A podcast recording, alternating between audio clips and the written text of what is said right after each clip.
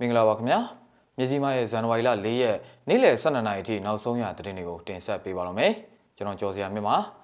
အာနာသိမ့်ပြီးတဲ့နောက်84နှစ်မြောက်လွတ်လပ်ရေးနေ့အထိမ်းအမှတ်ပွဲတွေရန်ကုန်မှာကျင်းပသူမရှိပါဘူးသတင်းလာရီမှာတော့မိုင်ဒဲတာဝါတိုင်းနဲ့ရဲစခန်းတွေကို PDF ကဖျက်ဆီးလိုက်ပါတယ်မြိုင်မြို့နယ်မှာတော့လွတ်လပ်ရေးနေ့တပိတ်စစ်ကြောင်းခြိတက်ဆန္ဒထုတ်ဖော်ခဲ့ကြပါတယ်အစရှိတဲ့သတင်းနဲ့အတူဒီကနေ့ဒီဇင်ဘာလ၄ရက်နေ့နေ့လယ်12နာရီအထိနောက်ဆုံးရသတင်းတွေကိုတင်ဆက်ပေးသွားတော့မှာဖြစ်ပါတယ်ခင်ဗျာ ပထမဆုံးအနေနဲ့အာနာသိမ့်ပြီးတဲ့နောက်84နှစ်မြောက်လွတ်လပ်ရေးနေ့အထိမ်းအမှတ်ပွဲတွေကျင်းပသူမရှိတဲ့သတင်းကိုတင်ဆက်ပေးပါမယ်။ရန်ကုန်မြို့နေရာနှံ့ပြမှာဒီကနေ့ဇန်နဝါရီလ၄ရက်နေ့မှာကြာရောက်တဲ့84နှစ်မြောက်လွတ်လပ်ရေးနေ့အထိမ်းအမှတ်ပွဲတွေကျင်းပသူကင်းမဲ့လျက်ရှိနေပါတယ်။စစ်ကောင်စီရဲ့အာဏာမသိမ်းခင်အချိန်ကလွတ်လပ်ရေးနေ့မရောက်ခင်တရက်အလိုကလေးကလွတ်လပ်ရေးနေ့အထိမ်းအမှတ်ဖြစ်ရက်ွက်တွေမှာဘောလုံးပြိုင်ပွဲတွေပြုလုပ်လေရှိကြပါတယ်။ ဇန်နဝါရီလ၄ရက်မနက်အစောပိုင်းမှာအပြေးပြိုင်ပွဲတွေကိုကျင်းပလေရှိကြပေမဲ့ယခုအချိန်မှာအဆိုပါပွဲတွေကိုမတွေ့ရသလိုလမ်းမတွေပေါ်မှာတွာလာနေတဲ့ကားတွေနဲ့ရက်ကွက်လမ်းကြားတွေထဲမှာလှုပ်ရှားနေတဲ့ဈေးတဲ့အချို့ကိုသာမြင်တွေ့နေရတာဖြစ်ပါတယ်။ ဒါ့အပြင်အင်းစိန်ထောင်ရှိမှာဟိုတစုဒီတစုစောင့်ဆိုင်နေကြသူတွေလည်းရှိနေပါတယ်။လာရောက်ဆောင်ဆိုင်နေသူတူကတည်င်းနေမှာလွတ်မယ်ဆိုတာတွေလည်းမဖက်ရမကြားရဘူးအခုဒီရောက်တော့လဲဒီကအဆောင်ကိုမေးတော့လဲမတည်ဘူးပဲပြောတယ်905နဲ့အဖမ်းခံထားရတာဆိုတော့တိတ်တော့လဲမမျော်လင့်ရဲပေမဲ့လွတ်မလားဆိုပြီးလာဆောင်နေရတာလို့ပြောပါတယ်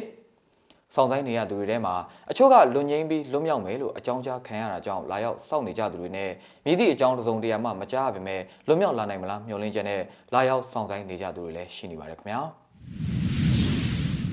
တနင်္လာရီမှာမိုင်းဒဲတာဝါနဲ့ရဲစခန်းတွေကို PDF ကဖျက်ဆီးလိုက်ပါတယ်။ဘိတ်ခရိုင်တနင်္လာရီမြို့နယ်တကူကျေးရွာအုပ်စုမှာမိုင်းဒဲတာဝါနဲ့ရဲစခန်းတွေကိုဗမလိုက်ပျောက်ကြားတပ်ဖွဲ့ PDF ကဖျက်ဆီးခဲ့တယ်လို့အဲ့ဒီအဖွဲ့ထံကနေသိရပါတယ်။ဗမလိုက်ပျောက်ကြားတပ်ဖွဲ့ဟာဇန်နဝါရီလ2ရက်နေ့ည9:00နာရီအချိန်မှာတကူကျေးရွာအုပ်စုမှာရှိတဲ့တာရပွန်ကျေးရွာနဲ့ဝမ်းနာကျေးရွာမှာရှိတဲ့မိုင်းဒဲတာဝါကိုမီးရှို့ဖောက်ခွဲဖျက်ဆီးခဲ့တယ်လို့ဗမလိုက်ပျောက်ကြားတပ်ဖွဲ့ PDF တာဝန်ရှိသူကပြောပါတယ်။ တကူရဲစခန်းမှာရှိတဲ့စာရွက်စာတမ်းတွေယူနီဖောင်းတွေနဲ့လျှက်စစ်ပစ္စည်းတွေကိုမီးရှို့ဖျက်ဆီးခဲ့ပြီးအဆောက်အုံတွေကပရိဘောဂတွေအတုံးဆောင်ပစ္စည်းတွေနဲ့ရေပိုက်လိုင်းတွေကိုဖျက်ဆီးခဲ့တယ်လို့တိုက်ခိုက်မှုမှာပါဝင်သူတူကပြောပါရယ်ဒါအပြင်တကူကျေးရွာကဘုံကြီးကျောင်းမှာကြံခဲ့တဲ့စစ်ကောင်စီတပ်တွေရဲ့ဆိုင်ကယ်၅စီးကိုလည်းတင်ဆက်ခဲ့တယ်လို့သိရပါရယ်ဒါအပြင်ဇန်နဝါရီလ3ရက်နေ့နေ့လယ်2နာရီခွဲချိန်ကလည်းတကူရဲစခန်းအပါအဝင်တကူကမ်းနားမှာရှိတဲ့စစ်တပ်ပိုင်ဆက်လေတစည်းနဲ့12လုံးတို့ကိုလည်းဖျက်ဆီးခဲ့တယ်လို့အဲ့ဒီအဖွဲ့ထံကနေသိရပါတယ်ခင်ဗျာ။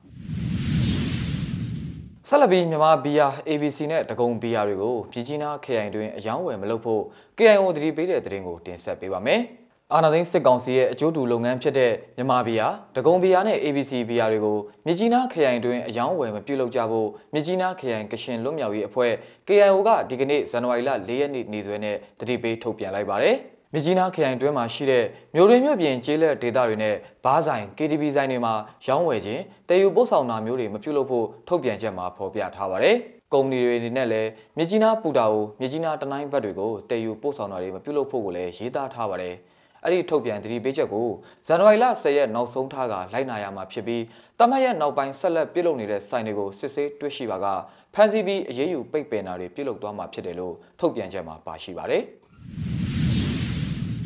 မြိုင်မြို့နယ်ကလွတ်လပ်ရေးနေ့တပိတ်စစ်ကြောင်းချီတက်ဆန္ဒထုတ်ဖော်တဲ့တဲ့တင်ကိုတင်ဆက်ပေးပါမယ်။မြိုင်မြို့နယ်အခြေခံပညာအထွေထွေတပိတ်ကော်မတီနဲ့ပြည်သူလူထုပူးပေါင်းကဒီကနေ့ဇန်နဝါရီလ၄ရက်နေ့မှာကြာရောက်တဲ့84ကြိမ်မြောက်လွတ်လပ်ရေးနေ့မနက်ပိုင်းမှာ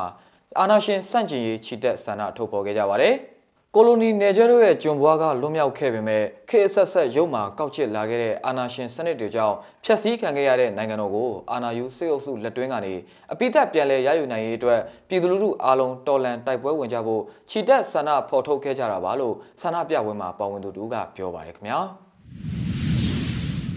မြစည်းမရဲ့ဇန်နဝါရီလ၄ရက်နေ့လယ်12နာရီထိနောက်ဆုံးရသတင်းတွေကိုတင်ဆက်ပေးကြတာပါမြန်မာပြည်သူပြည်သားပေါင်းဘေးရန်ရဲ့အမျိုးမျိုးကနေကင်းဝေးကြပါသည်ခင်ဗျာ